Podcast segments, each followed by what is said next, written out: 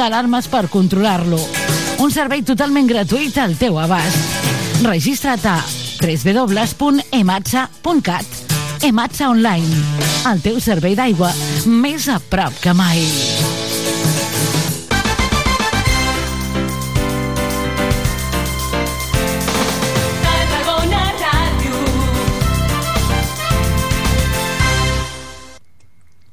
Bon dia, són les 11, benvinguts al Mercat d'Estiu.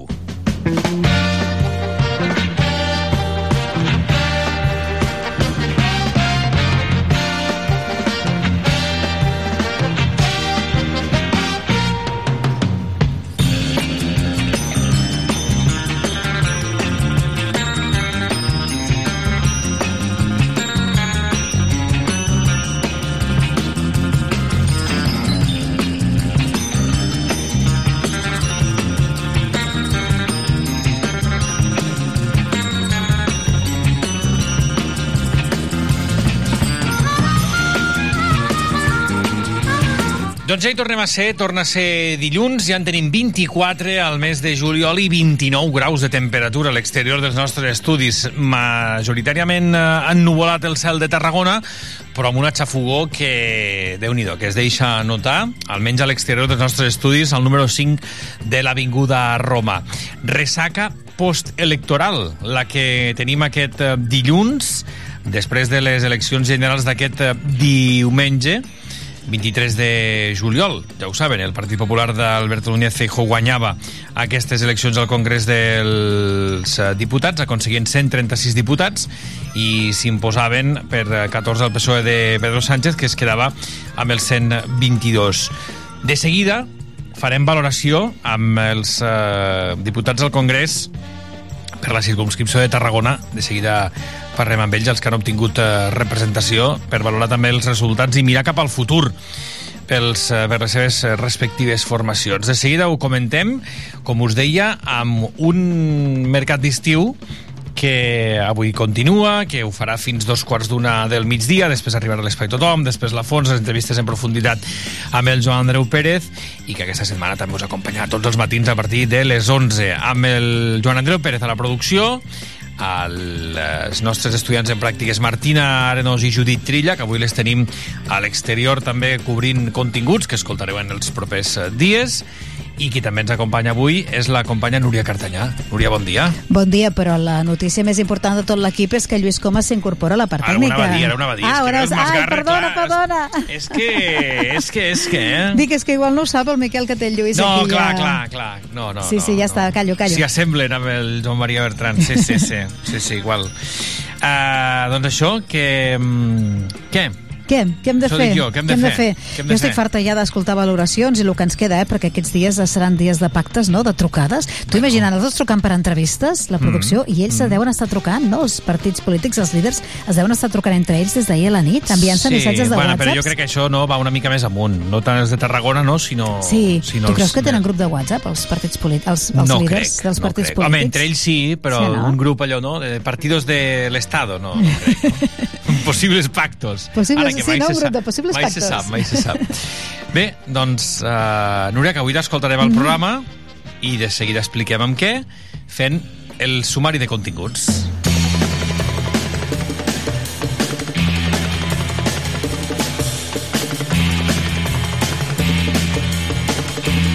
De seguida farem ronda de trucades, ronda de valoracions amb els diferents eh, candidats que ho eren fins aquest eh, diumenge. Uh, per exemple, parlarem amb Valle Mellado del PSC, també conversarem eh, amb Jordi Salvador d'Esquerra Republicana, ha obtingut també representació el Pere Lluís Huguet del Partit Popular, el Fèlix Alonso de Sumar en Comú Podem, que torna al Congrés de, després de ser elegit ja al 2016 i el Josep Maria Cruzet de Junts. Amb ells parlarem durant els propers minuts i els hi demanarem també la valoració. Després deixarem a davant de l'àmbit polític perquè us hem d'explicar que Tarragona estrena un cicle de cinema a la fresca s'anomena Cinestrelles. Núria, i ve de gust eh, anar al cinema a la fresca aquests dies? Seran dues ubicacions al Parc del Francolí i a la zona de gespa de l'anella mediterrània. A la Fresqueta, dimarts i diumenge, cada dimarts i cada diumenge a les 10, a partir de demà mateix que comença. Demà, doncs... eh, Amb projeccions, mira, com Padre no hay más que uno 3, Ah, sí? o Los chicos malos, o Escape Room, Ah, per dir-ne doncs, alguns, eh? va bé, I, I més, i Ostres, més, sí. Molt bé. Crispeteres. Ah, en parlarem després amb la consellera de Cultura i Festes, la Sandra Ramos, eh, que la qual també escoltarem a través eh, del telèfon. I després, Núria, ens anem d'òpera, tot i que ens avancem al cap de setmana. Mm, estic emocionadíssima. Atenció perquè l'òpera arriba a la Tàrraco Arena Plaça i estic emocionada perquè és el que transmet l'Àngel Odena, que és una mica l'ànima mater, l'artífex i la cara visible d'aquesta producció operística tarragonina que ha enredat a un fotimer. Jo crec que l'orquestra, mira, l'orquestra que acompanya Tosca, de Puccini, la versió tarragonina de, Tos de Tosca, eh, conté 40 músics i això diu que per una orquestra és encara poc, però bueno, que està que, que entra dins del què, no? Més això, suma-li tot l'elenc de, de personatges, de cantants. En fi, producció tarragonina per aquesta òpera italiana de Puccini Tosca que arribarà a la Tarraconera Plaça el dissabte. L'Àngela Dona que t'ho explica d'una manera que, que, en fi, que te l'emportaries a casa. Amb ell i a tot l'elenc. Ell fa del baró, baró Escàrpia, eh? Sí, És sí, aquí- sí, sí, sí. aquí Sí, a més té un puntet reivindicatiu. Han triat. Tosca, ell ens ho explicarà perquè té un puntet també reivindicatiu. Doncs vinga, el dia 28, eh, això És dissabte, dissabte. Dissabte? Uh, sí, crec que a les 7 de la tarda, ara no em voldria equivocar, dos quarts de ser a les 7, o sigui, un horari... Ostres, ara no ho sé, eh? Jo, disculpa que d'això, però jo diré que és divendres, eh? Vols dir? 25. Sí. Jo diria no, no, que sí. és dia 28. És divendres? Sí, sí. Oi, disculpeu, eh? Mira, ara us enviava un altre, un altre dia. A la Tarraconera Plaça, això sí. divendres a dos quarts de, a dos quarts de nou, 8.30. Mira, convençuda que era dissabte. ara Doncs sí, sortirem a la, de dubtes. a la Tarraconena Plaça. I després, avui a l'Espai Tothom, doncs volem continuar coneixent testimonis i històries en primera persona i avui sobre els drets de les persones amb problemes de salut mental. De fet, obertament, l'entitat ha tornat a publicar un informe que encoratja a trencar el silenci, a ajudar a difondre aquelles realitats tan esteses durant molts anys que aquestes persones doncs, no han trobat els canals per on fer-se escoltar. Uh, entonant en molts casos doncs, eh, la nostra responsabilitat com a mitjans de comunicació. Avui parlarem amb algun dels testimonis per preguntar-los de quina manera veuen, veuen vulnerats els drets a decidir quan passen eh, per un episodi de salut mental, quines són les eines que hi ha disponibles per protegir aquestes persones, quina és la legislació i els mecanismes actuals i cap a on ens dirigim i, mira, i quin és el paper dels professionals i de les famílies també. Per tant, en parlarem avui, d'una banda, amb la Maria Lomascolo, responsable del projecte sanitari d'Obertament, i amb el Noé Ayerra, que ens eh, donarà un testimoni en primera persona per veure com ho ha viscut ell. I a partir de la una, les entrevistes en profunditat amb el Joan Andreu Pérez, amb la Fons, avui amb el Peter Martínez. Ai, Acompanyarà això el em Joan sona, Pérez. sona pizza, no? Sí, pot ser, pot ser. Pot Però ser. altres coses, eh? Que el Altres Peter és tot un esportista sí, de la amb moto el món de, de l'esport. És eh, dilluns, dia després de les eleccions, però el món continua, és 24 de juliol.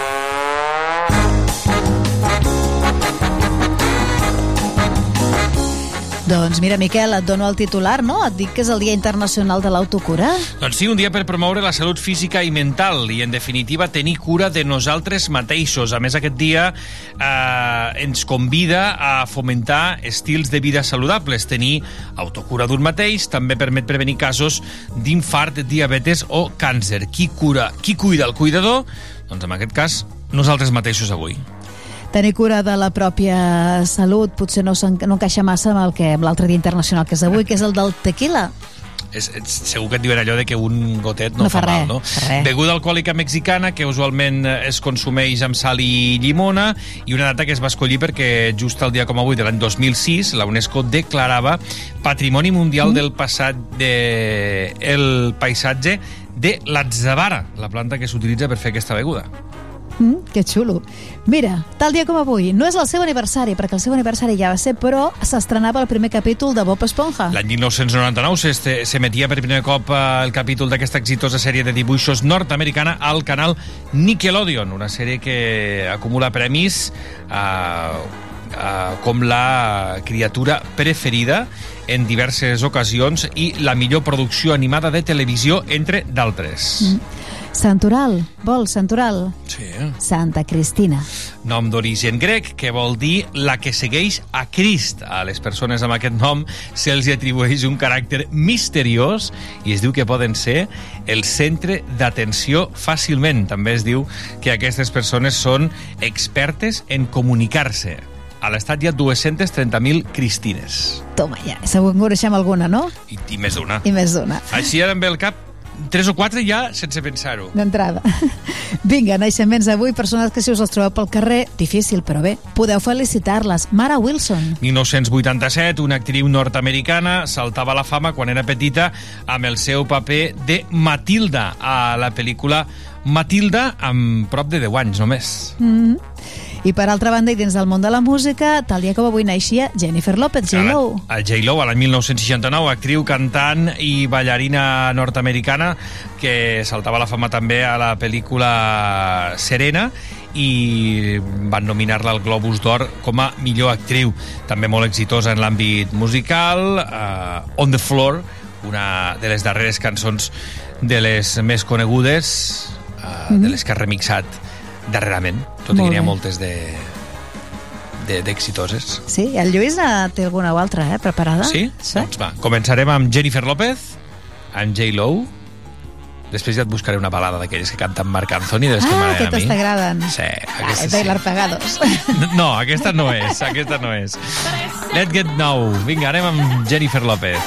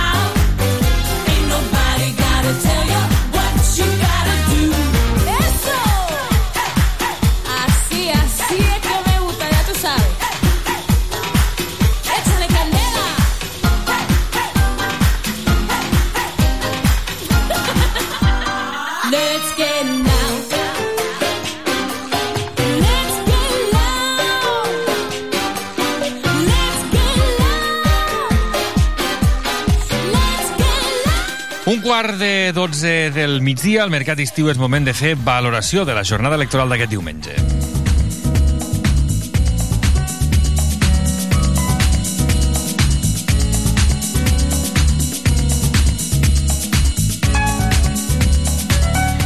I ho volem fer amb els eh, diferents eh, caps de llista candidats diputats eh, ja eh, per la demarcació, per la circunscripció de Tarragona. Saludem a, ara mateix a través del telèfon la cap de llista del PSC a la demarcació per Tarragona, Valle Mellado. Senyor Mellado, molt bon dia. Hola, bon dia. Moltíssimes bon dia gràcies per atendre'ns.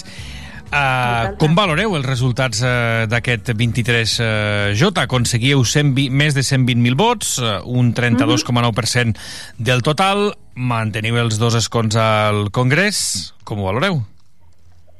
Doncs molt positivament, com no podria ser d'una altra manera. Eh, realment ens vam presentar no, amb, un, amb una oferta de, de mantenir i ampliar els drets socials i de, i de mantenir la convivència i treballar per la convivència a Catalunya i, i està clar no, que, que a Tarragona i en general a, a Catalunya la ciutadania eh, massivament ha donat suport a, a aquesta proposta nostra de drets, progrés i convivència. Uh, què és el que passarà a partir d'ara? Uh, com veieu el, el futur? Ara comencen dies doncs, uh, de, de diàlegs, de contactes...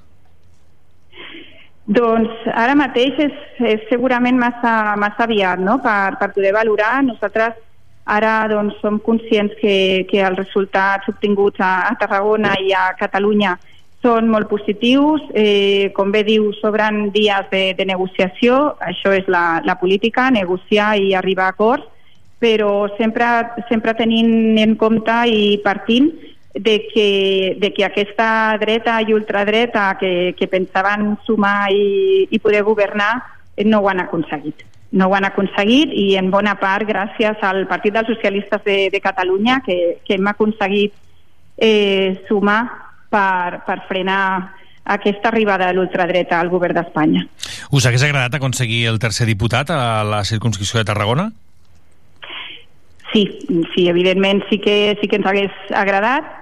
Eh, hem millorat aquí moltíssim els, els resultats. Hem, hem aconseguit eh, uns 45.000 vots més i, i això realment ens hagués agradat no? que s'hagués traduït en aquest tercer diputat que també ens hauria donat més, més força, no? hauria donat més força al, a un govern de, de Pedro Sánchez ara mateix per, per negociar, però eh, el sistema no, és, és com és, tenim aquests dos eh, diputats i amb, amb ells farem, farem molta força i hem aconseguit també els, els tres senadors per, per la província de Tarragona, cosa que també és molt positiva pel territori.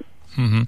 Caldrà veure, com de- deia, què és el que passa a partir d'ara, uh, perquè hi hauria una possibilitat que, que ens abocaria a repetir eleccions, uh, doncs això, si, si no es desencalla la, la situació. Sí. Bé, nosaltres la veritat no, per nosaltres no és, no és l'escenari eh, preferent, evidentment. Uh, nosaltres entenem que la ciutadania doncs, ahir ja, ja va manifestar el que, el que volia, uh, ha manifestat que no vol un govern de, de la dreta amb la ultradreta, perquè al final uh, les, les forces progressistes eh, sumem, i, i esperem això, doncs, que, que la política mm, es posi a, a treballar i, i hi hagi aquestes negociacions i, i sigui possible tirar endavant. Uh -huh. Doncs, eh, senyora Valle Mellado, moltíssimes gràcies per eh, acompanyar-nos i també per, eh, per, doncs per l'atenció. Moltíssimes gràcies. Gràcies a vosaltres, bon dia. Adéu.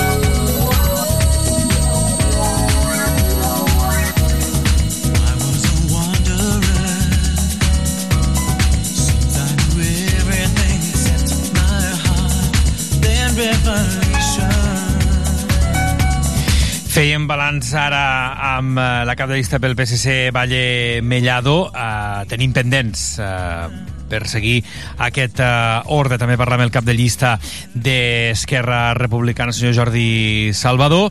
Eh, el que farem ara, de moment, és centrar-nos amb el Partit Popular. No aconseguia representació a la demarcació des de les eleccions del 2016 i ara ha guanyat un eh, diputat. Els eh, populars, per tant, tornen al Congrés per Tarragona, obtenint un 14% dels vots i doblen resultats del 2019. Pere Lluís Huguet, molt bon dia.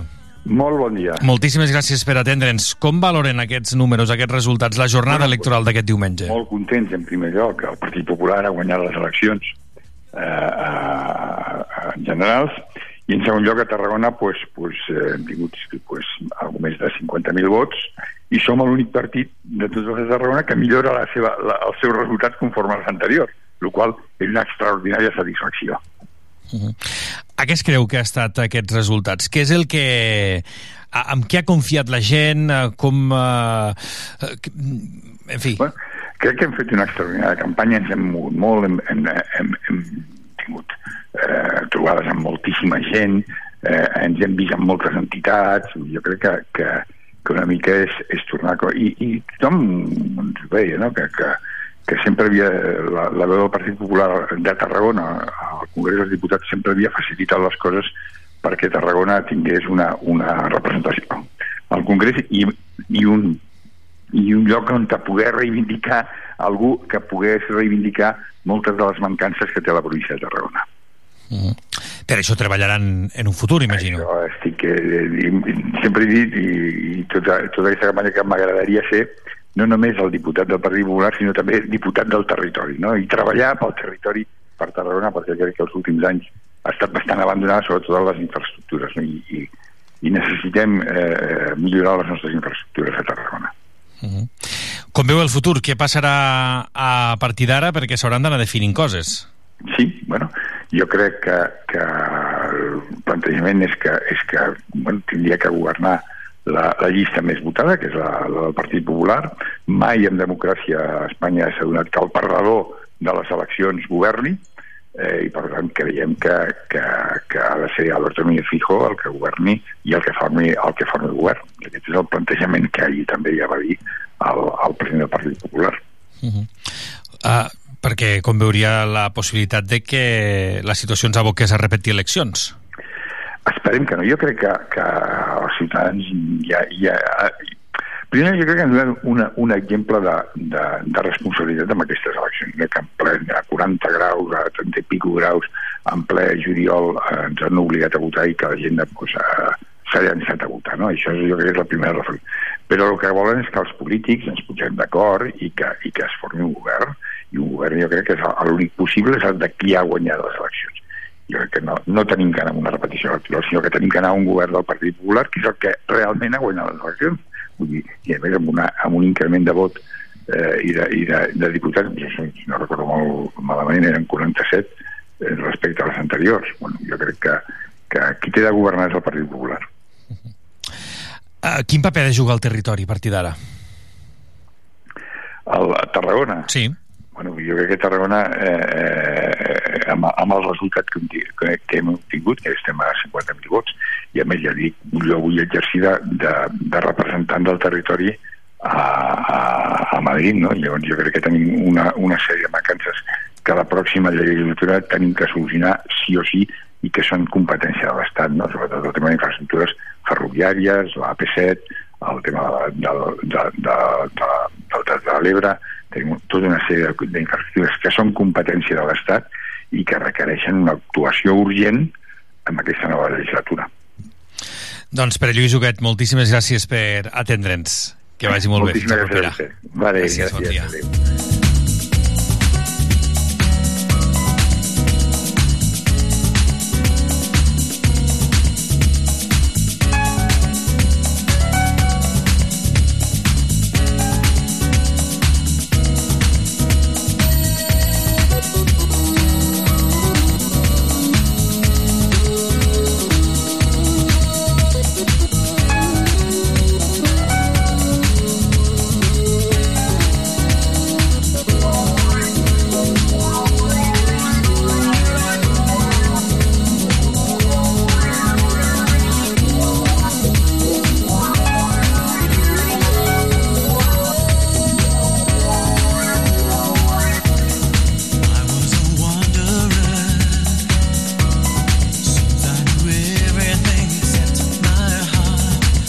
river.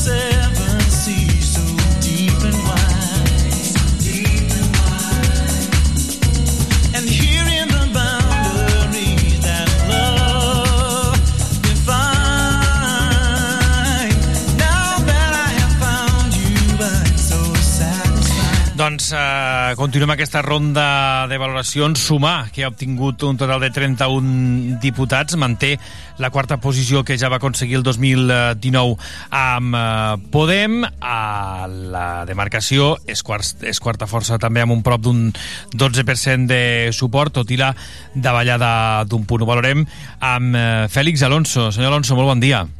Bon dia. Moltíssimes gràcies per acompanyar-nos. Tornarà al Congrés. Sí, això, això està ja, bueno, ja sí que sí. Uh, com, com valora els resultats la jornada electoral d'aquest uh, diumenge, senyor Alonso? Bueno, jo crec que molt positiva.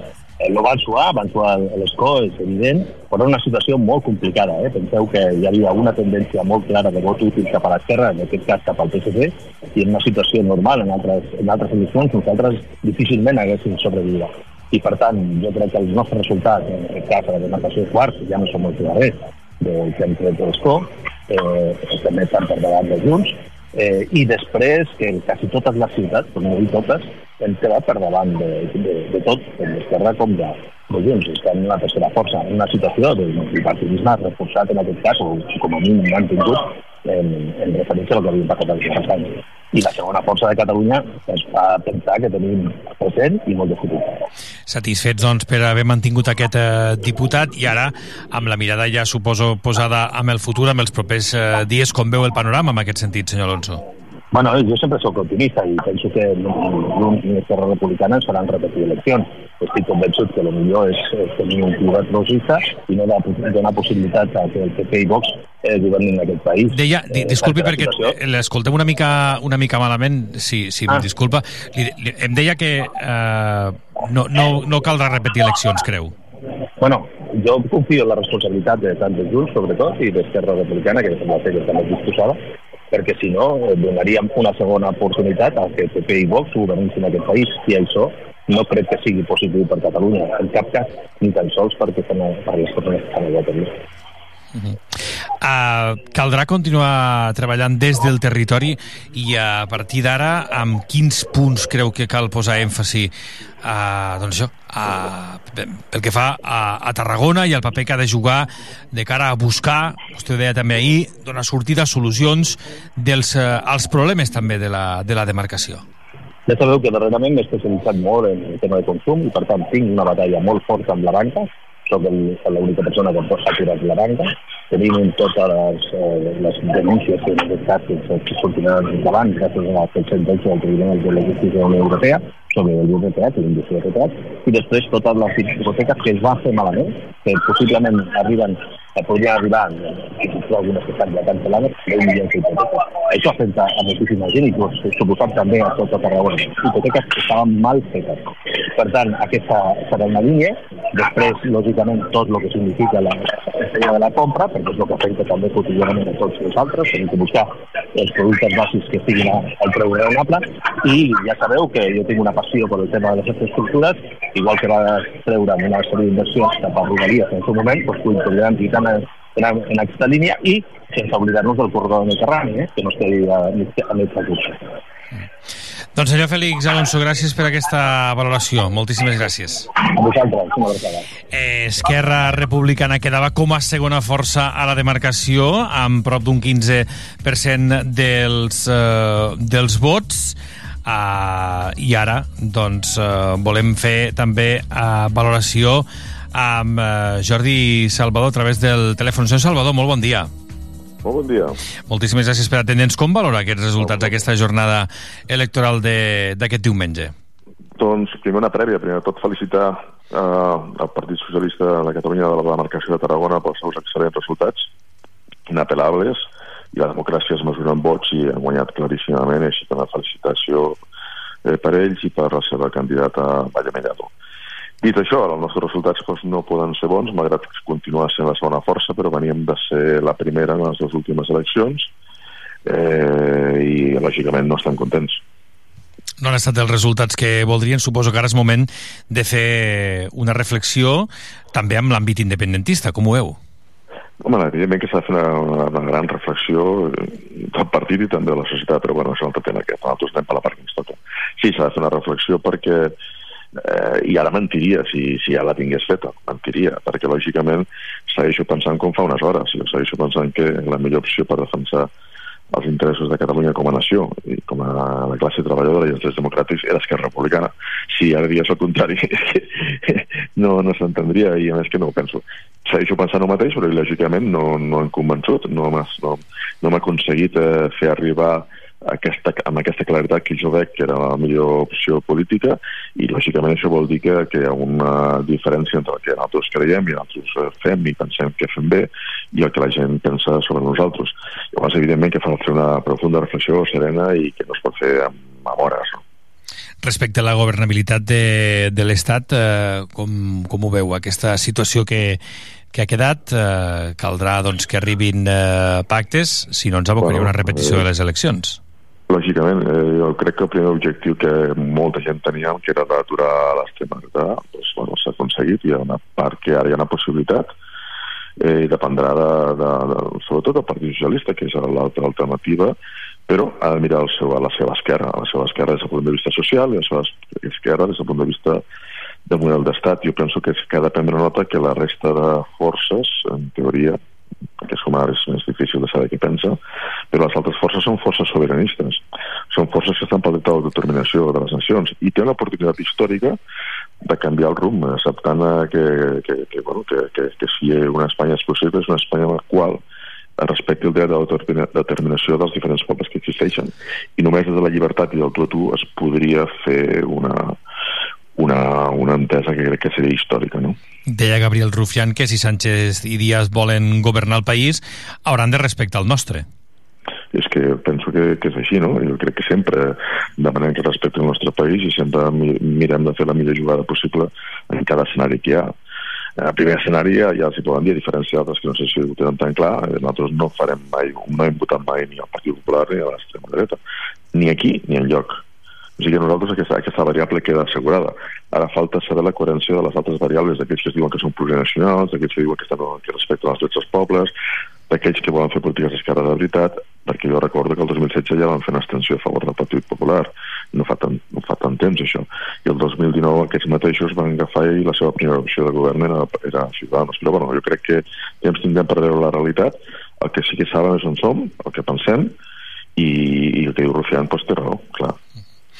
Senyor Jordi Salvador, moltíssimes gràcies per aquesta valoració. Moltes gràcies a vosaltres. Gràcies.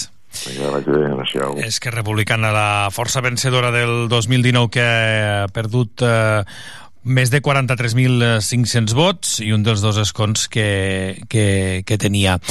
De seguida continuem copsant eh, més valoracions. Eh, ens queda encara parlar amb eh, una d'aquestes eh, d'aquestes formacions eh, a la sintonia de Tarragona Ràdio. Hem valorat ja aquests eh, resultats amb la cap de llista del PSC Valle Mellado, amb l'Esquerra Republicana Jordi Salvador, amb el popular eh, també Pere Lluís eh, Huguet, amb el de Sumar Fèlix Alonso. De seguida saludarem Josep Maria Cruzet a través del telèfon que s'estrenarà també al Congrés. I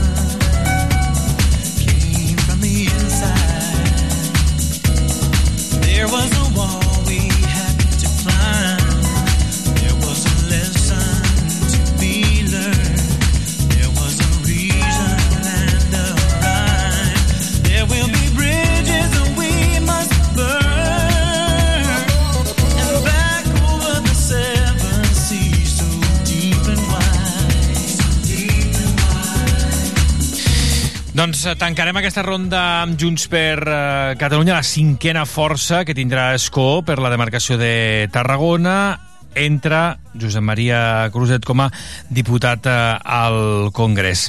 Senyor Cruzet, molt bon dia. Què tal? Molt bon dia. Moltíssimes gràcies per acompanyar-nos.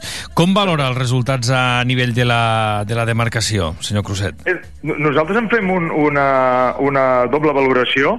Per un costat, a la, la pròpia de, la, de les nostres xifres que tenint en compte les circumstàncies en què concorrem en aquestes eleccions, sense drets electorals, eh, sense haver tingut en els anteriors quatre anys representant en el Congrés, perquè doncs, era el del PDeCAT el representant que hi havia i no pas el de Junts, i tenint en compte aquesta polarització extrema doncs, que s'havia intentat col·locar en el mar mental de la gent, de que sabia que les que l'extrema dreta arribava amb molta força, com després s'ha vist que no ha sigut el cas, eh, però que sí que han aconseguit col·locar doncs, aquest, aquest, aquest temor, doncs els resultats els valorem eh, doncs, molt positius, perquè venint amb aquestes dificultats han fet una campanya molt intensa, la, la més intensa eh, amb diferència de tots els grups polítics, arribant a tot el territori, eh, parlant amb tots els sectors, i això s'ha traduït doncs, amb, que, amb que, malgrat aquestes circumstàncies, doncs, tenim representació, tenim diputat eh, en el Congrés i, i estem ja eh, doncs, activats i treballant ja. En clau general, com ho veu? Perquè hi ha, hi ha lectures que diuen que Junts eh, tindrà la clau per la governabilitat d'Espanya. Bé, nosaltres sempre hem explicat durant aquesta campanya que, que el vot per Junts valia per, per, per tres coses. Eh? Valia per defensar el territori, que és aquesta part que us explicava ara, que ja hi estem, diguem, posats en, en, en el contacte amb els ciutadans, eh, les empreses, les associacions, etc etc. Aquest era un pla.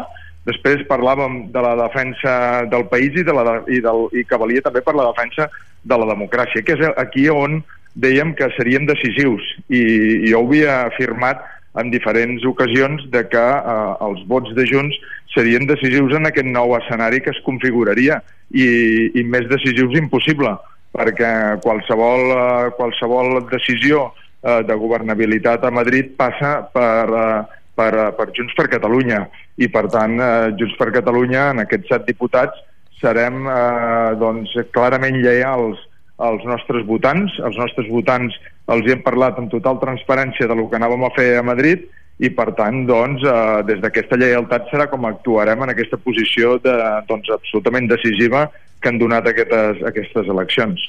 Els pactes, doncs, tindran un paper important. Eh, senyor Cruzet, com ho, com ho veu? Eh, ho di, li, li dic perquè que és el que, el que passarà fins ara. Deia la, la, la seva companya, la Míriam Nogueras, que, que no faran president a Sánchez a canvi de res. Doncs eh, la frase eh, ho recull perfectament. Eh, recull eh, dues explicacions clares des del meu punt de vista. La primera és que allò que ha passat fins ara, que ha sigut que Pedro Sánchez ha demanat estabilitat, eh, a, a, en aquest cas amb un altre grup polític de Catalunya, i que s'ha acabat acreditant que tota aquesta estabilitat i, i eh, la investidura doncs, eh, ha acabat sent a canvi, a canvi de res, perquè doncs, tot el que s'havia compromès en cadascun dels acords que hi havia hagut doncs no s'han no complert, i poso només un exemple. Eh, recordo un anunci d'una de les eh, reunions de la taula de diàleg, que teòricament era per parlar d'unes coses, però aquell dia es va anunciar que eh, s'havia aconseguit que el català, eh, que l'estat espanyol demanaria que el català fos oficial a Europa. I després, eh, amb el temps, i de fet fa poques setmanes que ho vam saber, Europa va contestar que després d'aquella reunió l'estat espanyol mai havia fet un sol tràmit per donar compliment amb aquell acord i demanar l'oficialitat del català. Pot semblar una anècdota, però és l'evidència de que durant quatre anys eh, Pedro Sánchez eh, doncs, ha anat demanant els suports a canvi de res. I d'aquí que ahir expliquéssim, i concretament la Míriam ho digués amb aquesta frase, de que no, no, Junts no, no considera cap opció que sigui donar suport a canvi, a canvi de res. I per tant, eh, com sempre passa en aquesta vida, quan algú vol eh, el suport d'algú altre, doncs ha de fer l'oferta, la proposta de partida. I la proposta de partida, en aquest cas, l'ha de fer l'ha de fer Pedro Sánchez o qui consideri que, que, que vol moure fitxa. Doncs senyor Josep Maria Cruzet, gràcies també per aquesta valoració. Suposo que ara serà moment doncs, de continuar treballant pel territori i d'anar assumint aquests diàlegs, aquests possibles pactes, per tal que no tornem a, unes, eh, a repetir unes eleccions generals. Bé, nosaltres estem ja en, en aquesta doble vessant que us deia, eh? perquè la política eh, no, no és excloent eh, unes coses de les altres i efectivament ja estem amb agenda treballant en el, en el territori i, i evidentment eh, estem amatents en el que vagi passant els pròxims dies i, i el que es vagi diguem, eh, movent en els pròxims dies de cara en aquesta, en aquesta nou escenari que ha quedat en què Junts per Catalunya juga aquest paper clau en la centralitat de la, de la política. I, com us deia, des del punt de vista clar i contundent, de que nosaltres serem lleials als, als votants que, que ens han donat el seu suport en aquestes eleccions. Senyor Josep Maria Cruzet, moltíssimes gràcies. Gràcies a vosaltres per l'interès. Doncs aquesta és la ronda de valoracions. Així queden les coses a la demarcació. Ja ho saben, amb els dos diputats del PSOE, el d'Esquerra Republicana, el del Partit Popular, el de Sumar i el de Junts, a la demarcació que fan aquests eh, sis diputats per la circunscripció de Tarragona al Congrés que han sortit dels resultats d'aquestes eleccions generals del passat diumenge, d'aquest eh, diumenge. Anirem fent valoracions amb diferents, eh, amb diferents veus durant els propers dies també aquí al programa. Ara passen 42 minuts de les 11 en punt del matí, ens aturem, li posem música també al mercat d'estiu i canviem de tema perquè volem parlar-vos també de qüestions culturals que arriben a la ciutat de Tarragona. Ara continuem.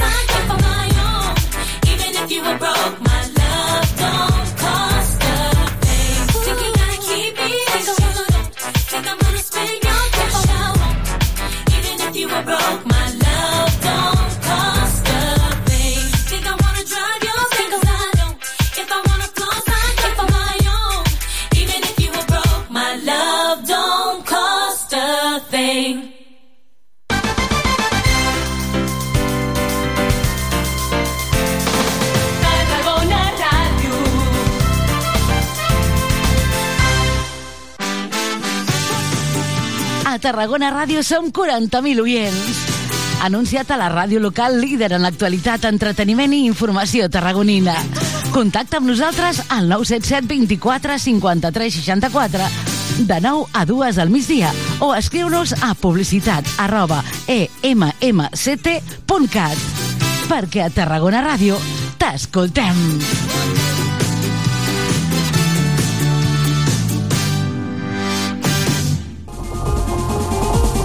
Tarragona estrena Cine Estrelles, un nou cicle de cinema a la fresca en dos nous espais, el Parc del Francolí i la zona de gespa de l'Anella Mediterrània. Del 25 de juliol al 13 d'agost, dimarts i diumenges, tens una cita a partir de les 10 de la nit i amb entrada gratuïta. Los tipos malos, Top Gun Maverick, Escape Room, Coda, Padre no hay más que uno 3 i històries para no contar. Organitza Departament de Cultura de l'Ajuntament de Tarragona amb la col·laboració del Patronat d'Esports. Agafa tota la família i vine a la fresca. Vine al cine. Cine Estrelles. Fans de Tarragona. Amb Sílvia Garcia, de 6 a 7 de la tarda. De dilluns a divendres, una hora per la música de casa. Fans de Tarragona a Tarragona Ràdio.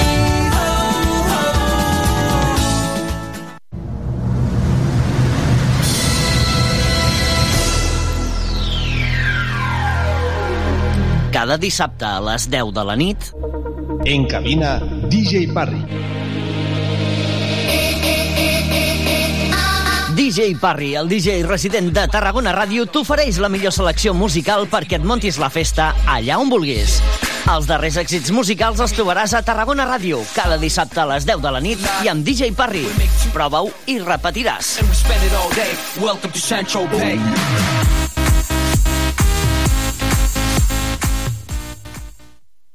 Si pateixes o veus alguna agressió, pots dirigir-te al CIAT. CIAT és el Servei d'Informació i Atenció a les Dones, un espai d'orientació i assessorament per a qualsevol aspecte de la vida de les dones. Truca al 977 296 279. Envia'ns un correu a ciat arroba tarragona.cat o demana cita prèvia per visita personal. Ajuntament de Tarragona.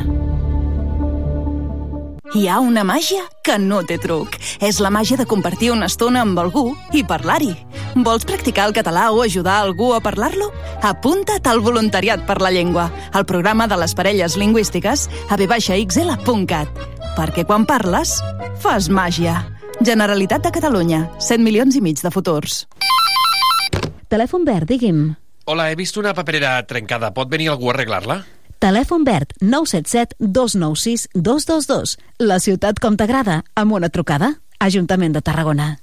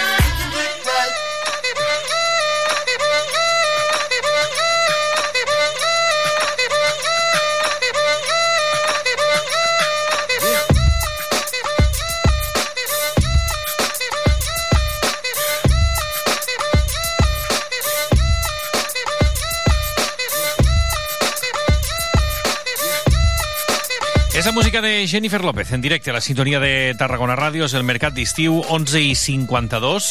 Estem pendents de poder parlar d'aquesta nova proposta que arriba a Tarragona al Cine Estrelles, un nou cicle de cinema a la fresca que arribarà cada dimarts i diumenge a les 10 de la nit a partir de precisament aquest dimarts a l'amfiteatre del Parc del Francolí i a la zona de la gespa de l'anella mediterrània perquè es convertiran durant tres setmanes en sales de cinema.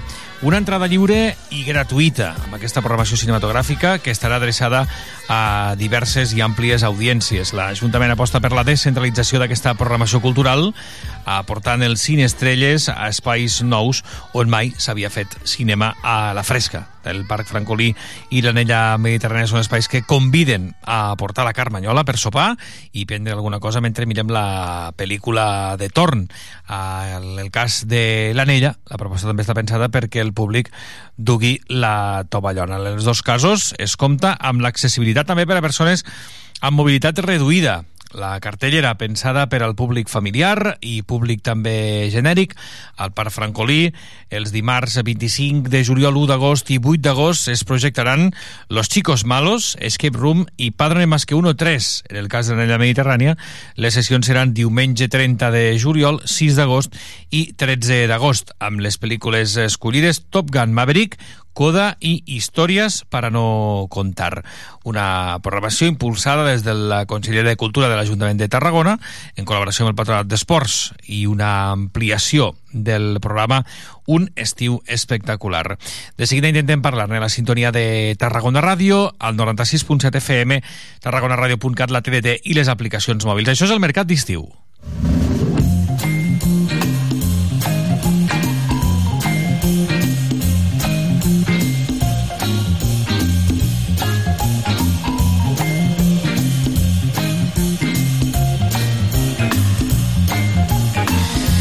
Aquesta és una de les propostes culturals que arriba aquesta setmana a nivell d'aquest estiu a la ciutat de Tarragona. Saludem la consellera de Cultura i Festes, Sandra Ramos.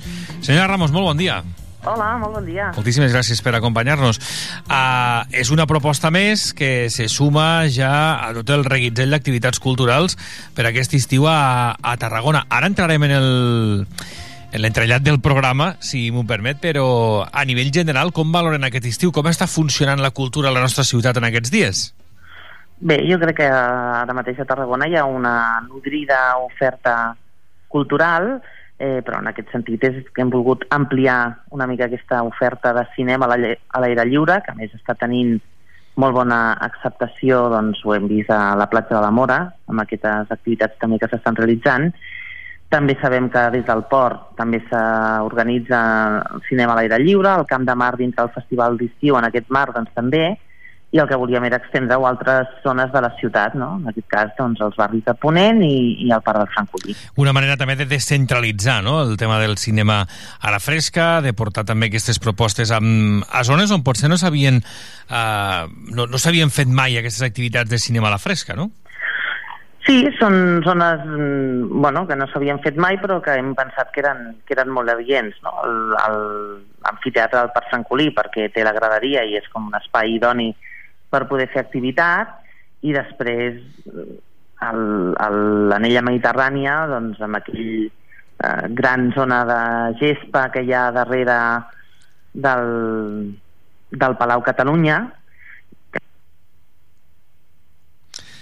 Sembla que hem perdut la comunicació amb la senyora Sandra Ramos. Estàvem parlant... Hola. Precis... Sí, ara ens escolta. Disculpi, que havíem deixat de sentir-la per un moment. Em, em deia que les possibilitats de la, de la zona de gespa de l'anella mediterrània. Ens havíem quedat aquí. exacte, no? És aquesta zona de gran extensió de gespa que hi ha darrere del Palau Catalunya, que fa servir normalment per, doncs, per oci, per temes esportius també, Mhm. i hem pensat que era una zona fantàstica perquè hi vagi la gent amb les seves tovalloles, amb, bueno, amb les mantes que es puguin estirar allà a la gespa a veure pel·lícules. I si continuen aquestes temperatures, jo crec que són zones també on hi anirà molt de gust a anar a les 10 del vespre a, a, a veure cinema, no? Vull dir que, que també estarem, estarem ben resguardats i ben guarits de la calor. Sí, sí, sí, zones fantàstiques. A més, hem organitzat doncs, 45 minutets abans de l'inici de les pel·lícules doncs hi haurà uns DJs que amenitzaran una mica i faran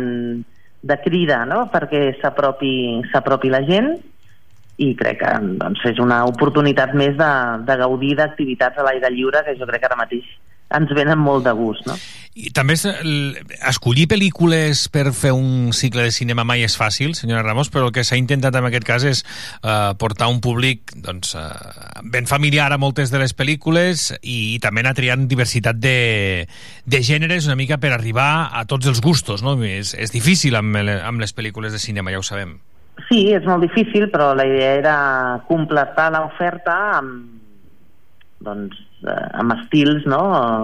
cinematogràfics diferents i per, potser per públics diferents, perquè l'oferta que veiem del Camp de Mar com de la platja està destinada a un públic més adult, podríem dir, i aquí el que hem buscat és doncs, eh, un cinema familiar, especialment les pel·lícules que, doncs, que passarem al, al Parc del Francolí, doncs són per un públic llavors, de Bad Guys, que és la que, amb la que comencem demà a la nit, doncs és una pel·lícula de dibuixos animats doncs per, per famílies, no? molt, molt pensada en la canalla i, i després el, a l'anella mediterrània també doncs, per un públic més eh, adolescent, jove, no? que puguin ser atractives també per, aquest, per aquesta franja d'edat. Suposo que esperen doncs això, eh? acceptació d'aquestes activitats, tenint en compte també com estan funcionant, com li al principi, els altres cicles que, que tenim en marxa. Tenim el, el tema del Sota la Palmera, tenim el tema també dels concerts a, al Camp de Mart, vaja, tot el, totes el, les propostes culturals que van omplint aquests dies i aquests caps de setmana a casa nostra també li pregunto perquè també és, eh, eh, és una de les seves àrees el tema de les festes de barri que també van arribant a, a la nostra ciutat. Sí, bé, les festes, cada barri organitza les seves festes, no sé si et refereixes a això. Sí, sí, no, no, I- ho dic perquè tot, tot es va sumant, tenint- no? Al final tot va són sumant, propostes no? culturals I tenen, evidentment, i festives. participació doncs, de, de molta gent, evidentment, principalment dels barris allà on s'organitzen, que les entitats veïnals les organitzen doncs, amb, amb tot el carinyo i amb tota la dedicació cap al seu veïnat, no? I, I això també ho vol completar i, i bé, amb, aquesta, amb aquesta idea també de descentralitzar una mica tot allò on es fa cultura. També és cert que aquesta és una oferta, diguéssim, de eh, last minute, eh, d'última hora, perquè s'ha programat recentment i no ha tingut la divulgació no? que, que, que han tingut els altres cicles, que han tingut molta, molt més temps perquè la gent se n'assabenti. Per tant, esperem que hem fet una campanya específica doncs, perquè la gent, especialment de les zones on es faran, doncs, se n'assabentin i, i les puguin gaudir, que és el, el que volem. Uh, doncs nosaltres també hi posem el nostre granet de sorra per fer extensiva aquesta campanya eh, i suposo ja, senyora Ramos, que molts de gent pensen en les festes de Sant Magí. Doncs ja les tenim, les tenim ben a tocar, aquestes festes de Sant Magí. A l'estiu a Tarragona doncs, és un estiu per gaudir. A la gent de la nostra ciutat ens agrada gaudir de l'estiu, som una ciutat mediterrània i amb un temps fantàstic, tot i que passem moltes calors últimament, però que ens agrada molt gaudir doncs, doncs, de tota l'activitat que es realitza a, a l'aire lliure i evidentment des de Sant Joan doncs, hi ha tot un programa d'activitats per gaudir a la nostra ciutat i perquè sigui un, un estiu ple de cultura. Tornant a l'activitat que ens atanya és aquest eh, Cine Estrelles, recordem que l'entrada és lliure i gratuïta i uh -huh. també cal explicar eh, que, com no podia ser d'una altra manera, s'han buscat també espais accessibles, no? És a dir, perquè les persones Sí, també amb sí, mobilitat reduïda i puguin, i puguin arribar eh, i puguin transitar sense cap tipus de problema. Per descomptat, tot i que l'activitat a l'anella mediterrània és a l'espai de gespa, s'ha buscat una zona on s'ha comprovat doncs, que hi ha un accés per cadires de rodes i persones amb mobilitat reduïda i al Parc del Francolí, per descomptat, que també, que també ho és. No? Per tant, estan contemplades eh, gairebé totes les necessitats. Doncs senyora Sandra Ramos, moltíssimes gràcies per explicar-nos com anirà aquesta activitat. Esperem que, que tingui doncs això, l'acceptació i, i també la difusió, que ara vostè comentava, nosaltres ens hem carregat d'explicar-ho i a partir d'ara doncs, ens queda desitjar que vagi molt bé. Fins la Doncs propera. tant, els propers tres dimarts al Parc del Francolí i els propers tres diumenges a l'anella mediterrània, així que esperem que, tothom que vulgui gaudir de bon cinema s'apropi. Doncs des del 25 de juliol, des de demà mateix, cada dimarts i diumenge a les 10 de la nit, a l'amfiteatre del Parc del Francolí a la zona de gespa de l'Anya Mediterrània eh, s'aniran convertint durant tres setmanes amb aquestes sales de cinema a l'aire lliure. Senyora Ramos, moltíssimes gràcies. Moltes gràcies a vosaltres. Molt bon dia. Adéu. Tarragona estrena 5 estrelles, un nou cicle de cinema a la fresca en dos nous espais, el Parc del Francolí i la zona de gespa de l'Anella Mediterrània. Del 25 de juliol al 13 d'agost, dimarts i diumenges, tens una cita a partir de les 10 de la nit i amb entrada gratuïta. Los tipos malos, Top Gun Maverick, Escape Room, Coda, Padre no hay más que uno 3 i històries para no contar. Organitza Departament de Cultura de l'Ajuntament de Tarragona amb la col·laboració del Patronat d'Esports. Agafa tota la família i vine a la fresca. Vine al cine. Cine Estrelles. Moll de Costa, la Rambla de la Cultura a la vora del mar. Vine i passeja per l'eix de la cultura, del lleure i de l'esport al Port de Tarragona. Hi trobaràs museus, exposicions, teatre, activitats, espais per passejar i fer esport.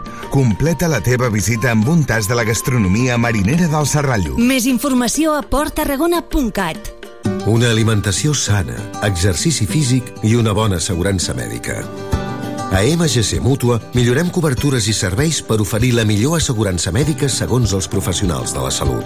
MGC Mútua. Inverteix en salut. Informa't en el web mgc.es. Sabies que aquest estiu es preveuen nits molt agradables al Festival Camp de Marc de Tarragona? Fins al 4 d'agost tens unes cites espectaculars. Dijous, concerts de petit format. Divendres, circ i cinema gratuïts. I també concerts amb Marala, Ginestar, Mariona Escoda, Frank Schubert amb Marina Rossell, Lil Dami i Julieta i molts més. Que no t'ho expliquin. Consulta-ho tot a cultura.tarragona.cat. Ajuntament de Tarragona. de tot el món.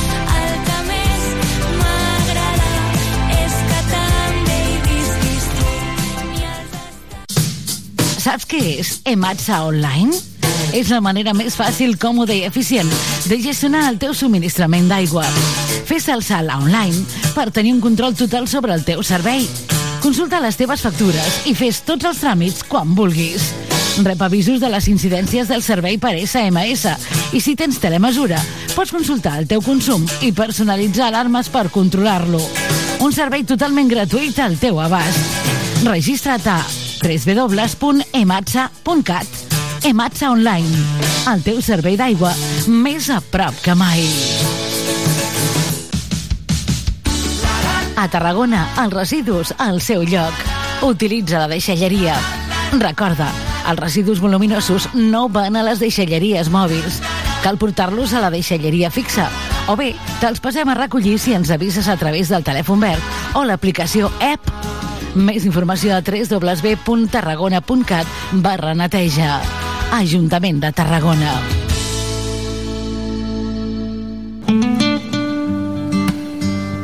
Gaudeix de l'estiu en els restaurants i l'espa que ofereix vora el mar l'Hotel Le Meridien Ra. Descobreix la millor gastronomia mediterrània al restaurant La Terrassa del Mar o les tapes marineres i fresques al Beach Club a peu de platja.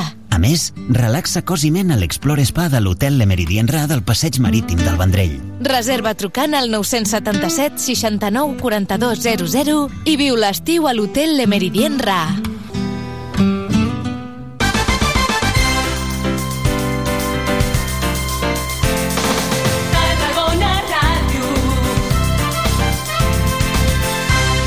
Les 12 del migdia i 6 minuts.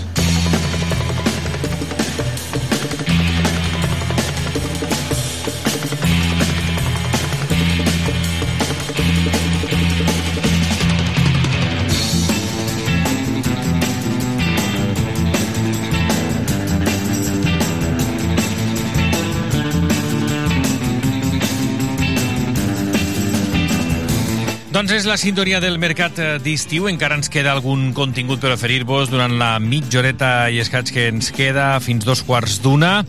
I és que tornarem a tenir òpera a la ciutat de Tarragona i tornarem a tenir l'Àngel Òdena als estudis de Tarragona Ràdio. El compositor Giacomo Puccini, amb eh, llibret eh, de Luigi Illica i també de Giuseppe Giacosa, estrenava el gener de 1900 a Roma l'òpera en tres actes La Tosca, que conjuntament amb Madame eh, Butterfly i La Bohème forma part del eh, tercet d'òperes més populars del músic eh, italià. S'ambienta a la Roma de 1800, quan Napoleó guanyava els eh, austríacs en el camp de la batalla, una obra de gran intensitat que conté moments eh, sublims eh, com la escena del Te Deum al final del primer acte per commemorar la suposada derrota de l'emperador francès eh, o altres eh, àrees importants dintre de l'obra.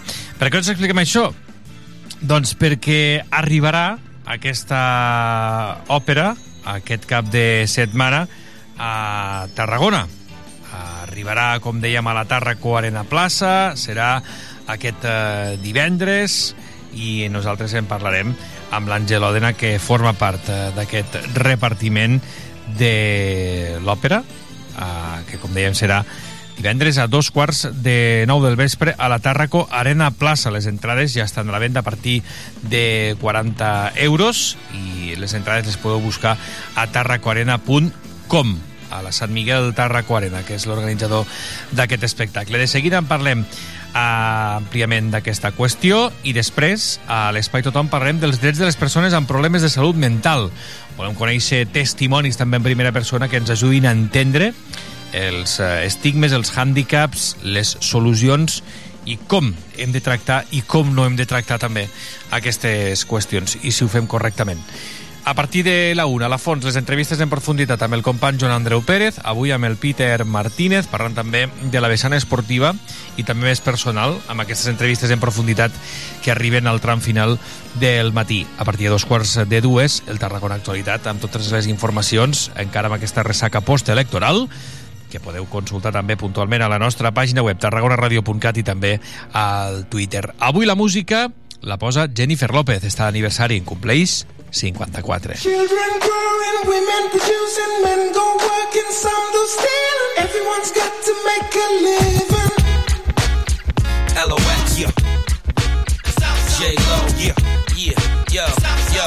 off the block this year.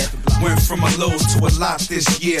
Everybody mad at the rocks that I wear. I know where I'm going and I know where I'm from. You hear locks in the air. Yeah, we at the airport out. D block from the block where everybody air forced out. With a new white tee, you fresh. Nothing phony with us. Make the money, get the mansion, bring the homies with us. By the rocks that I got, I'm still, I'm still Jenny from the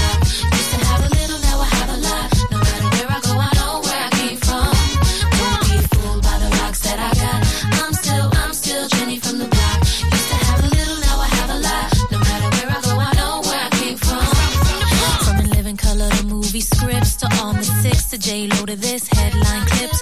I stay grounded as the amounts roll in. I'm real, I thought I told ya. I'm real, even on no bruh. That's just me. Nothing phony, don't hate on me. What you get is what you see. Don't be fooled by the rocks that I got. I'm still, I'm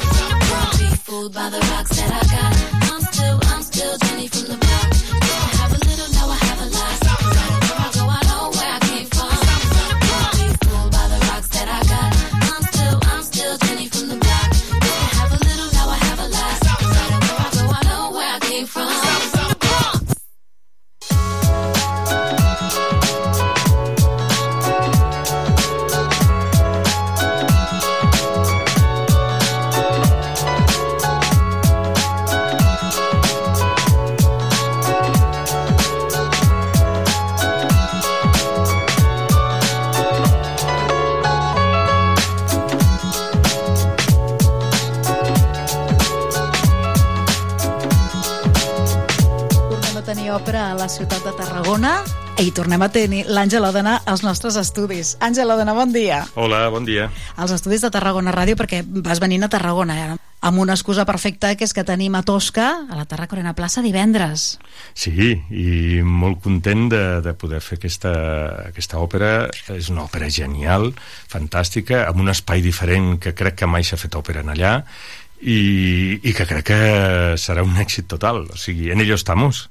A més, té la gran eh, supernotícia de que és una producció pròpia i feta des de casa, una producció a càrrec de l'Associació d'Amics del Teatre Líric de Tarragona. Què és sí, això? Qui no, sou? no, res, som, som tres persones. Molt bé. el, El mínim, títol, el sí. mínim. Eh, vam muntar aquesta associació arrel de que, bueno, en el seu moment es va fer aquella òpera al, al Camp de Mar, al Rigoletto, eh, i va ser un exitàs. Bé, jo crec que potser no es va acabar d'aprofitar bé el fet de poder-ho fer allà, però bé, és igual, deixem-ho córrer. Eh, arrel d'això vam pensar que Tarragona es mereixia tenir els estius durant l'hivern doncs ja venen els amics de l'òpera de, de Sabadell, saps que fan les seves produccions i fan una gran feina, però a nivell d'estiu creiem que que aquí al sud pues, hi ha molts festivals, però el que és en música clàssica n'hi ha menys i el que és eh, òpera pues, encara menys. I bé, vam creure que, que seria important fer-ho i vam parlar amb la, amb la gent que ara està portant la TAP, els va semblar una idea genial i bueno, vam començar aquesta bogeria on estem posats. Una bogeria que heu ja titulat La gran nit de l'òpera, Sí. una mica amb voluntat de, de continuïtat, no? Sí, la idea seria aquesta. La veritat és que hi ha molta feina, però, però jo, la meva il·lusió dels que estem posats en això és que hi hagi una continuïtat. De fet, no només meva i de l'organització, diguem-ne, sinó de tots els sponsors, el mateix alcalde l'altre dia ho va dir la roda de premsa, eh, crec que val molt la pena que des de les institucions també en recolzin, sé que la Diputació també ho hem vist amb molt bons ulls, la Generalitat també, la Generalitat una de les coses que ens van dir era aquest una espècie de reequilibri terri- territorial cultural, no? que els hi semblava molt bé, i que féssim això aquí a Tarragona. I bé, llavors diguem-ne que si totes les institucions estan d'acord i, eh, i sobretot els sponsors agrair-los moltíssim perquè tenim una quantitat, ara no sé no te'ls podria dir tots, però, però tenim sponsors que cadascú dins de les seves possibilitats ens ha donat una aportació i jo estic super content perquè això és, això és el fruit i és el germen, perdó, eh, de, de poder seguir fent coses molt més importants. Esteu creant indústria, indústria cultural i a, al voltant d'un eh, món tan particular i tan car com és l'òpera. Car perquè sou una gentada. Ah, aquí és on anava jo, jo. Vull dir, a vegades es creu, no, és que això és car... No, no, va, una producció aquesta es val diners perquè l'orquestra, i han fet, un, han, han fet una de les... Per exemple, Puccini, que és un compositor que utilitzava una gran orquestra, el més idoni segurament seria que haguéssim tingut 65 músics, 70. En aquest cas no, són menys perquè són modestos en aquest aspecte, però no, no artísticament són modestos. M'explico, eh? Músics bons que valen per dos. Ah, jo quants, mateix. quants en teniu al final? Eh, crec que són 45 o alguna així, i vull dir que està molt bé, eh? I, i clar, són professionals que cobren, després evidentment els artistes eh, gent que, de tècnics eh, llums, eh, escenògraf director d'escena. I gran part de, després hi ha un cor la veritat és que he d'agrair moltíssim a la gent del cor perquè és un cor amateur però que de gent molt formada musicalment i vocalment de tot el camp de Tarragona i de fora, perquè ve gent de Flix, ve gent inclús de Lleida, i, i crec que és molt interessant el que estem fent. Perquè és el que has dit tu, jo sempre he cregut molt en la indústria cultural. Estem en un territori on, on si em permets dir-ho, moltes vegades la gent això s'ho posa en boca políticament i no políticament també i s'ha de complir amb fets aquestes coses. I amb això ho intentem Com és que has triat Tosca per aquesta gran primera? És la primera producció de, de l'Àngel Òdena, eh? Perquè no, aquesta... no, no, bueno. no és meva bueno. No, home, en el sentit de, de, de posar-te al darrere Bé, estirat al carro. a veure, sí, jo i altres persones, eh, Sí. per favor, no, no voldria... I ho dic de- i ho dic d'acord, no, no, no m'agrada. Els protagonismes, evidentment, vinc jo perquè, perquè segurament a nivell de les nostres comarques pues, me coneix molta gent per la meva carrera i tal, però, però hi ha molta gent darrere i els mateixa, els mateixa gent de la TAP. Eh, eh, llavors, eh, però per sí, què Tosca? Bé, perquè, eh, primera, jo crec que en un espai així gran has de fer una òpera gran. No pots fer una òpera de càmera més petiteta, en quant a músics, en quant a... perquè has de fer un, una gran òpera. Primera, perquè tregui al públic. Segona, perquè l'espai i- ho, ho requereix, en certa manera, no? I després, pues, perquè també és un títol de, jo què sé, si posessis 10 títols aquí damunt de la taula dels més importants i que més s'han representat al llarg de la història de l'òpera, tots que estarien ells. Estaria allí. I, i per què no dir-ho? Perquè jo sóc un gran apassionat de Puccini, crec que hi ha moltíssima gent apassionada de Puccini, m'ha dit gent que vindria per això. I després, digue'm, deixa'm dir una cosa també, que crec que també ho vam intentar lligar, perquè avui en dia hi ha crec que mm, socialment és, és molt important. Una mica aquesta obra va de la violència de gènere eh, i, i com se vol aprofitar un dèspota d'una dona o sigui, hi ha una barreja de motius polítics i motius amorosos sexuals. Passa que això passa molt a les òperes, no?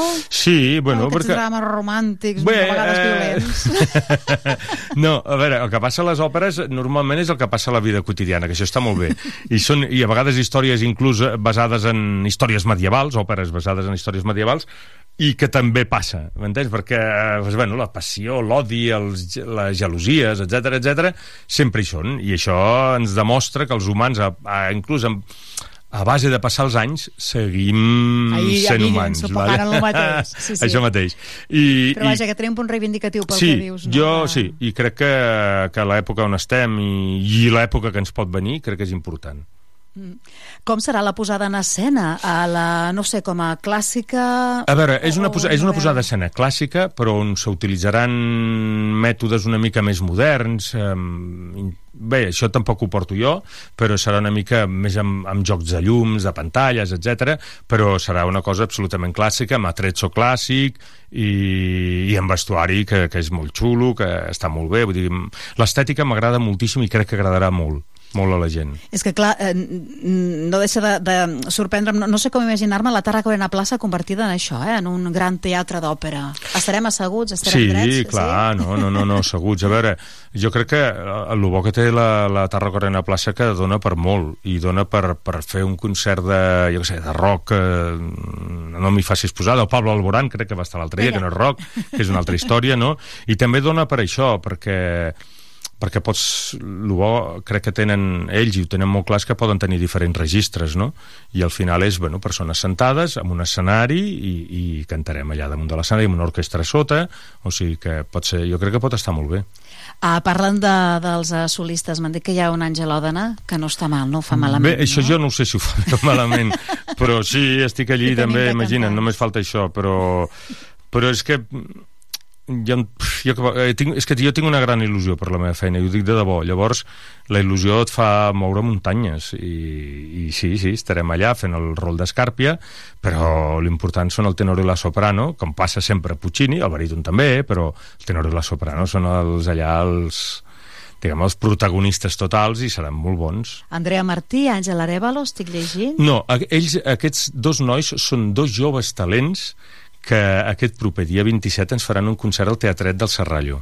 D'acord? Ah, calla, calla, que hi ha Sí. actes eh, relacionats i Sí, associats. clar, el dia abans fem un concert de, de joves emergents del Camp de Tarragona, bueno, de les nostres terres. Jo crec que la- l'Andrea va estudiar aquí a Tarragona, ara està estudiant a Barcelona, si no m'equivoco, però ella és del Perelló.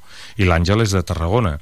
I són fantàstics, el dia... Jo invito tothom. És entrada lliure amb eh, taquilla inversa, d'acord? Que ens ajudi una mica l'associació, la taquilla inversa, perquè és una associació que acabem de començar i necessitem molta ajuda. Eh, I al Teatret del Serrallo invito a tothom que vingui, si plau i, i res, i després el dia següent pues, eh, la, la soprano és la Vanessa Goicochea, una noia fantàstica va, eh, de, de Durango eh, nascuda a Miami, la veritat però Miami de Florida però, però bueno, ell els pares de Durango i ara ella també hi viu i, i a l'Alejandro Roy, que és un noi de Gijón tots dos amb una carrera extraordinària i amb un futur també brutal Sempre m'agrada preguntar quina exigència tècnica a nivell eh, vocal eh, eh, té, té Tosca de Puccini. A veure, per fer-nos eh, la idea no, de la Sí, dificultat. eh, diguem-ne que aquí és el verisme. És, és un, se'n diu verisme perquè és... Eh, eh, ve, ve de, ve, ve, és un pas que ve més enllà del, del romanticisme i, i, del, i de, de totes les òperes de Verdi. El verisme és una, és una música que vol dir veritat, d'acord? I al, al final és una mica una música cinematogràfica. Puccini era així. Puccini realment, amb tot el que escrius, no, sense mirar l'òpera tu ja pots saber el que està passant és molt, de, de fet jo crec que és el precursor després dels musicals de la música de cinema i, i llavors és, és una meravella I, i es necessiten unes veus grans que, que, que tinguin una tècnica molt adequada com perquè per superar orquestres importants, perquè les orquestres aquí toquen fort, i en moments en toquen molt fort, bueno, Puccini ho va voler així, d'acord? I li dona molta importància a tots els instruments. Pensa que no és el mateix que toquin la corda, que són els violins, les violes, etc, que que toqui la tuba, que toqui els trombons, que clar, sonen moltíssim més, el metall, no? que és això. Llavors Puccini li dona moltíssima importància també aquest tipus... Bé, és l'evolució que va tenir les orquestres dins del món de l'òpera. I llavors el verisme és això, és en veus grans, veus molt impostades, veus que corrin molt, però alhora, evidentment, amb un text eh, genial, unes històries genials, i has de saber matitzar, etc etc.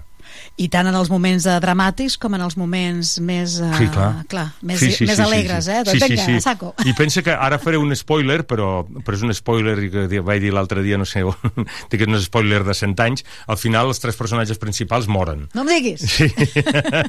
Llavors, eh, imagina't si és dramàtic el tema. Sí, sí, sí, és molt dramàtic. Molt bé.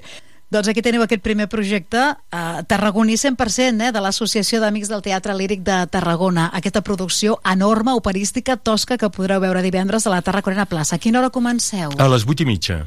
8 i mitja. Cal anar d'etiqueta? No, no per però, favor. no, eh? Amb aquestes- xancles i pantalons curts, eh? Bé, això, cadascú que elegeixi d'estiu. com anar-hi. Sí, O home, sí, no, no, no, no. no. On comprem les És que saps què passa? Que, Sí. perdona, s'ha de treure aquesta Sí. etiqueta d'això.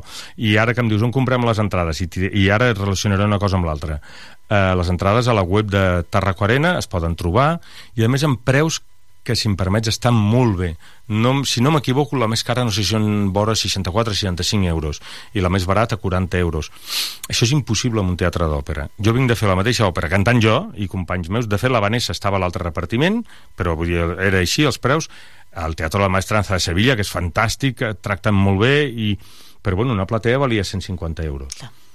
Aquí imagina la diferència de preu, o sigui que són preus absolutament populars que quals, si vas al sempre dic el mateix, però si vas al Rei León a Madrid pues, eh, crec que no sé si són 80, 90, 100 euros una entrada. I aquí per bastant menys tens una entrada inclús en pots tenir dues si vols anar amb la parella, o sigui que jo animo tothom, ne queden poques, o sigui que sisplau que vagin ràpid Uh, la moureu després, la girareu. És que fa molta ràbia en produccions teatrals i en aquest cas encara més que són molta gent les òperes, no? que dius, te fregues la feinada per fer la producció, surt de casa, amb gent de casa, supermotivada, i després no ho podem rodar, s'acaba la nit. saps què passa? Que eh, el, el món de l'òpera és una mica peculiar, i t'explicaré per què. Perquè com mou tanta gent, normalment el que es mou en una producció és el que se'n diu l'escenografia, el vestuari, això és el que es mou, però normalment si tu vas a un altre teatre, a un altre espai, doncs igual ja tenen la seva orquestra, ja tenen el seu cor, i aquesta gent ja, no, evidentment, els que tu tens no es mouen.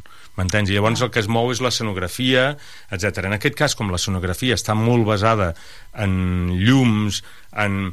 No és que, com explicar-ho, no és que la puguis eh, amortitzar, perquè eh, el lloguer o el que sigui de les llums i tot això mm, costa el mateix en un espai que en un altre.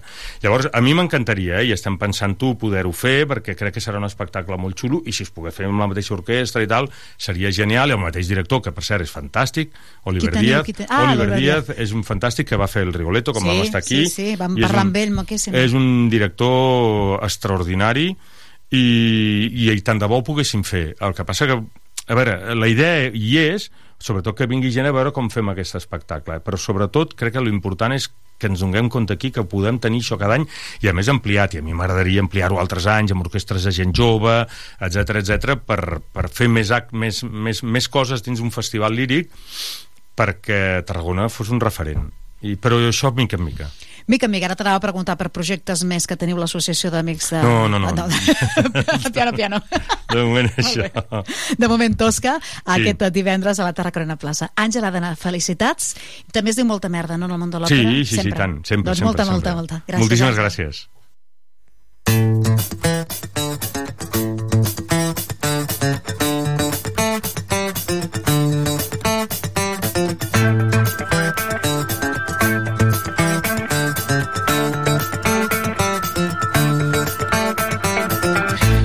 Arribarà al cap de setmana a la ciutat de Tarragona amb Tosca, serà la Tarraco Arena Plaça. Ara musicalment hem tirat una miqueta més eh, enrere del que havíem fet fins ara amb Jennifer López, que és qui ens ha acompanyat avui al fil musical d'aquest mercat d'estiu d'avui. Demà hi continuarem, encara amb regust polític i fent més valoracions d'aquesta jornada electoral de diumenge que cuejarà encara força dies. Ara us quedeu amb música i després arriba l'Espai Tothom a la sintonia de Tarragona Ràdio. No marxin fins ara, que passin un molt bon dilluns.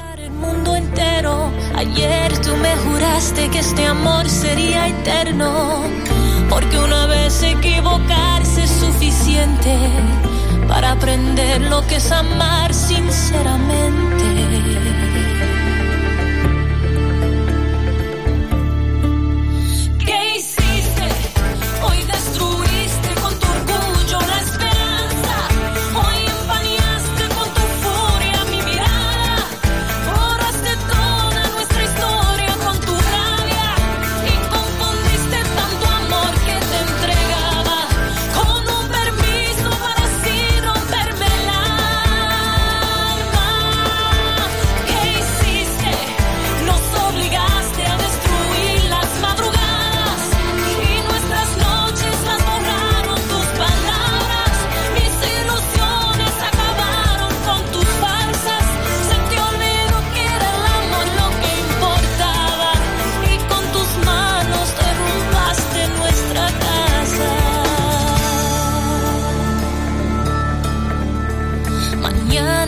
Amanezca un día nuevo en mi universo.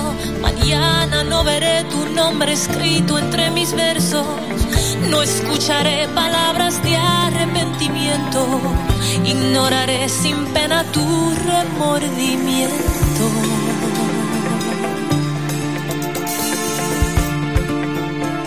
Mañana olvidaré que ayer yo fui tu fiel amante. Mañana ni siquiera habrá razones para odiarte. Borraré todos tus sueños de mis sueños. Que el viento arrastre para siempre tus recuerdos.